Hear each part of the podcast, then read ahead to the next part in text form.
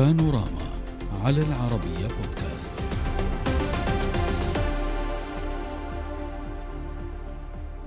تقدم لافت أحرزته إيران في برنامجها النووي منذ خروج الولايات المتحدة عام 2018 من الاتفاق المبرم عام 2015 وزارة الدفاع الأمريكية البنتاغون أعلنت أن إيران كانت تحتاج ل 12 شهرا لإنتاج قنبلة نووية في 2018 واليوم تحتاج فقط إلى 12 يوما لإنتاج المواد الانشطارية اللازمة لصنع قنبلة نووية واحدة. الجديدة وكيل وزارة الدفاع لشؤون السياسات كولين كالا قال إن أملا ضئيلا متبقيا لحل هذه المشكلة دبلوماسيا وإعادة القيود على برنامج إيران النووي وهذا برأيه أفضل من الخيارات الأخرى. ولكن في الوقت الحالي فإن خطط العمل الشاملة المشتركة مجمدة مضيفا بأن روسيا لن تضغط على إيران للوصول للاتفاق النووي الجديد بسبب علاقة البلدين التي باتت أكثر قربا منذ اندلاع الحرب في أوكرانيا. تصريحات كولين كال جاءت خلال جلسة بمجلس النواب بعد أن ألح عليه نائب جمهوري لمعرفة السبب وراء سعي إدارة الرئيس جو بايدن لإحياء الاتفاق الذي يعرف باسم خطة العمل الشاملة المشتركة وكالة الطاقة الذرية أكدت أن مخزون إيران من اليورانيوم المخصب بنسبة مختلفة أو بنسب مختلفة زاد بنحو 87 كيلوغرام منذ آخر تقرير فصلي ليصل إلى أكثر من 3760 كيلوغراما. ومع اقتراب إيران من القنبلة النووية الأولى تطرح تساؤلات حول مصير التعهدات الغربية المتكررة من الولايات المتحدة وأوروبا بمنع إيران من امتلاك السلاح النووي وما الخطوات التي سيقوم بها الغرب خلال 12 يوما فقط؟ نناقش هذا الملف مع ضيوفنا من باريس ناصر زهير المحلل السياسي. أهلا بك. ومن تل أبيب إيلون أفيتار امني سابق في وزارة الأمن الإسرائيلية. أهلا بكم ضيوفي واسمح لي أن أبدأ مع سيد أفيتار. سيد أفيتار ما ورد من تفاصيل؟ هل يعلن نهاية الاتفاق النووي لعام 2015 وتعذر إحيائه كما كان الغرب يود أو يطمح؟ بكل بصراحة أو بكل صراحة إنه هذه الإعلان الإعلان الأمريكي ما إيه له أهمية أكيد بس ما بيغير التفاهم أو الفهم الإسرائيلي والإنتاجات الإسرائيلية بالنسبة للتقدم السريع الإيراني لقنبله نووية. بإسرائيل بيقولوا من كم شهور قبل خمسة ستة شهور إنه إيران موجودة في سبيل مباشر وسريع مع كل الجهود من أجل الوصول إلى قنبلة نووية. واليوم سمعنا من مندوبين أمريكا أمريكاني من, من أمريكا إنه هذه اليسار أو هذه السياسة الإيرانية موجودة في نقطة النهاية.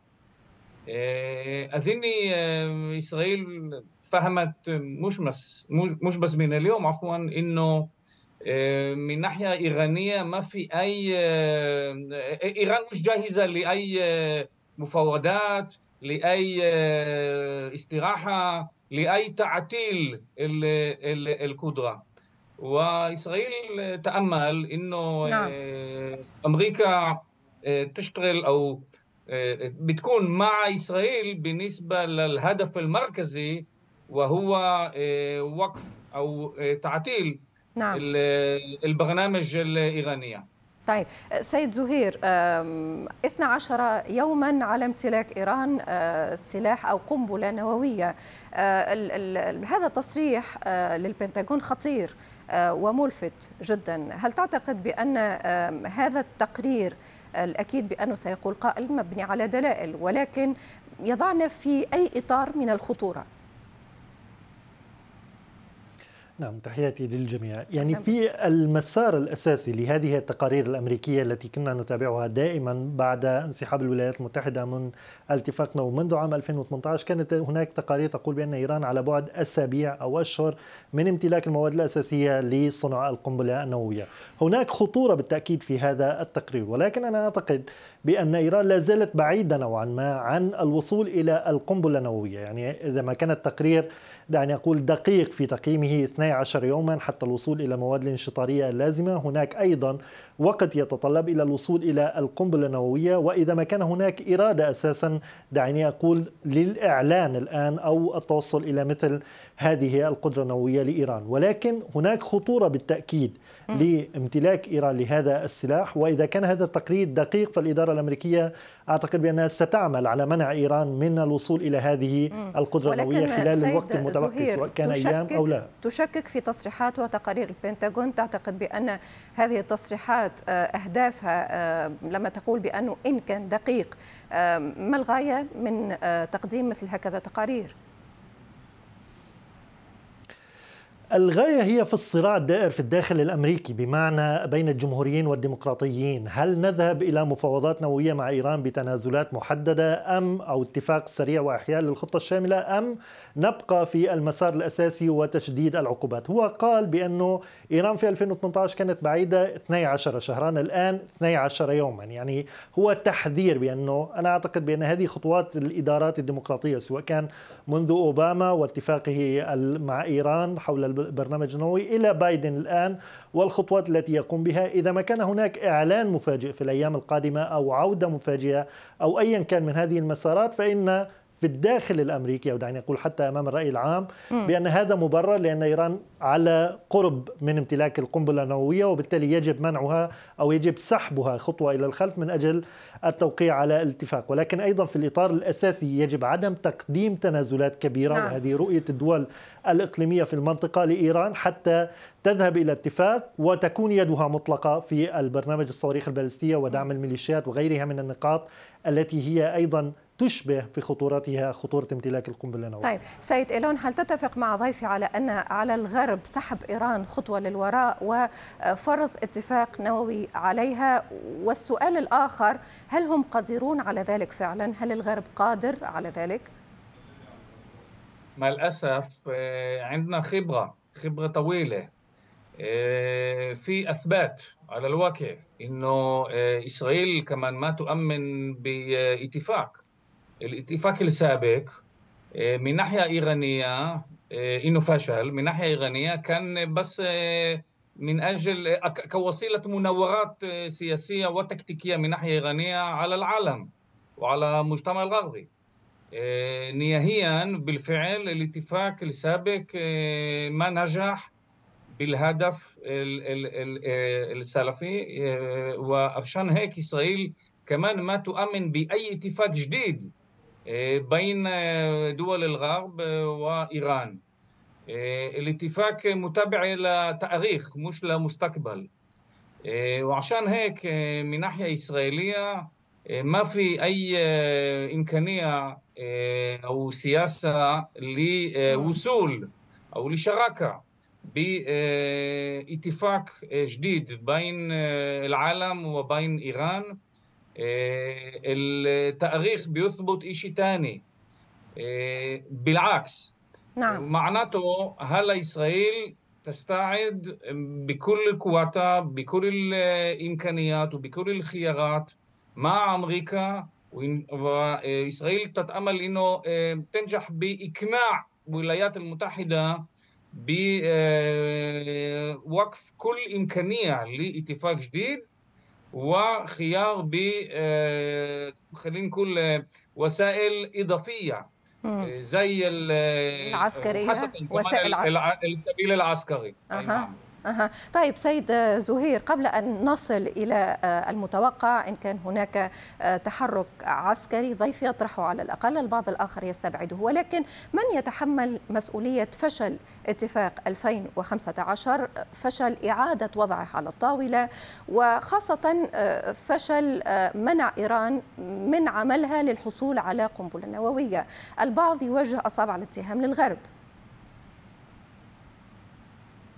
هنا يجب أن نميز من هو هذا الغرب الذي نتحدث عنه. يعني بمعنى إذا تحدثنا عن الغرب نتحدث عن الدول الأوروبية والولايات المتحدة. أنا أعتقد بأن الولايات المتحدة هي المسؤولة عن فشل منع إيران من الوصول إلى أو من امتلاك القنبلة النووية. لأن أوباما عندما وقع اتفاق عام 2015 وقع اتفاق منقوص للغاية. اتفاق لا يضمن تفكيك المنشآت المفاعلات النووية الإيرانية. اتفاق بحسب دعيني أقول اعترافات مسؤولين إيرانيين رفيعي المستوى كانوا يعدون لتشغيل المفاعلات النووية بأقصى سرعة ممكنة عند الانسحاب من هذا الاتفاق أو عند أي خطر. وبالتالي توقيع أوباما لاتفاق منقوص هو ما تسبب أيضا في هذه الأزمة التي نتحدث عنها، أيضا إدارة أوباما تأخرت كثيرا في اتخاذ خطوات حاسمة ضد إيران، سواء كان ما يتعلق في مسألة العقوبات والضغوطات الدولية، حتى الضغوطات الدولية على حلفاء إيران إذا ما تحدثنا عن الصين وروسيا، لأن الولايات المتحدة قايضت الصين في كثير من المناسبات وفي كثير من القضايا وكان يمكنها فعل ذلك أيضا في قضية إيران، ولذلك الآن تحمل المسؤولية أو من هو المسؤول هي الإدارات الديمقراطية بين قوسين حول هذا الوضع. النقطة الأخرى الآن ما هي الخيارات وكيف سيتم التعامل مع إيران؟ يعني دائما ما يتم طرح المعادلة التالية الآن. من هو الأخطر أو ما هو السيناريو الأخطر؟ أن نتعامل مع إيران تمتلك قدرة نووية؟ أم نتعامل مع إيران في اتفاق نووي منقوص يطلق يدها في المنطقة بتمويل أكثر من 100 وخمسين مليار دولار سنويا ودعمها للميليشيات والمسيرات وزعزعة استقرار المنطقة. أنا أعتقد بأن السيناريو الثاني أخطر من السيناريو الأول لأن وإن وصلت إيران إلى القدرة النووية يمكن تحجيمها بين قوسين لتكون كوريا الشمالية الثانية الموجودة الآن المحاصرة التي تمتلك أسلحة نووية ولكن لا يمكنها حتى دعني أقول تهديد حقيقي لكوريا الجنوبية على سبيل المثال وهذه هي المعادلة الآن التوصل إلى الضغط على إيران لمنعها من امتلاك القنبلة نعم. النووية هو سيناريو واحد ثانيا عدم تقديم تنازلات في أي مفاوضات متوقعة لأن هذه التنازلات ستكون خطيرة جدا في سياسات نعم. إيران الإقليمية نعم. نقطة ملفتة في الواقع طرحتها أستاذ زهير لما قاربت بين امتلاك إيران للنووي وبين توسع إيران وهنا سؤال سيد إيلون. هل تتفق مع ضيفي على أن امتلاك إيران للنووي قد يكون أقل خطورة من توسعها وتمددها في المنطقة؟ وربما إمكانية بلبلتها لأمن وسلامة هذه المنطقة. في موضوعين آه، مهمة بالنسبة لهذا السؤال. أول شيء من المهم التأكيد أنه من ناحية إسرائيلية وصول إيران إلى قنبلة نووية هي تهديد وجودي. عشان هيك والساعة تدوق ولكن ولكن الأستاذ زهير يقول يمكن تحجيمها كما فعل المجتمع الدولي لكوريا الشمالية.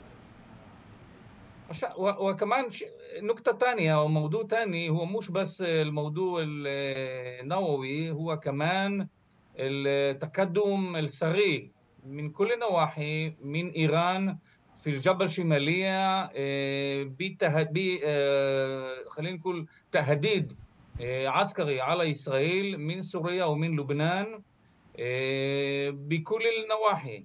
ونحن شايفين إنه من ناحية إيرانية إيه، ما في أي إمكانية لوقف آه، هذه الهجوم أو هذه السبيل العسكري إيه، وكأنك تصر سيد إيلون باختصار أنت كرمت وكأنك تصر على فرضية أن يتحرك الغرب أو على الأقل بدفع من إسرائيل عسكريا. هل هذا السيناريو مطروح؟ باختصار أنت كرمت. إسرائيل ما تمشي بمجال العسكر لحالها وحدها إسرائيل تحتاج لشراكة إسرائيل تحتاج لوحدة مع الغرب وخاصة مع أمريكا بسبيل العسكر وكمان بهجوم من كل النواحي كمان بالمجال الاستخباري ضد إيران وما في أي وقت للعب ما في أي وقت لتدريس نعم. من الأول عشان هيك في هدف وهذا الهدف لازم نشتغل بوصول إلى هذا الهدف بكل الجهود طيب. جهود مشتركة. نعم وضحت الفكرة. شكرا جزيلا لك من تل أبيب إيلون أفياتار أمني سابق في وزارة الأمن الإسرائيلية. وشكر كذلك لضيفي من باريس ناصر زهير المحلل السياسي. شكرا لكم السلام عليكم.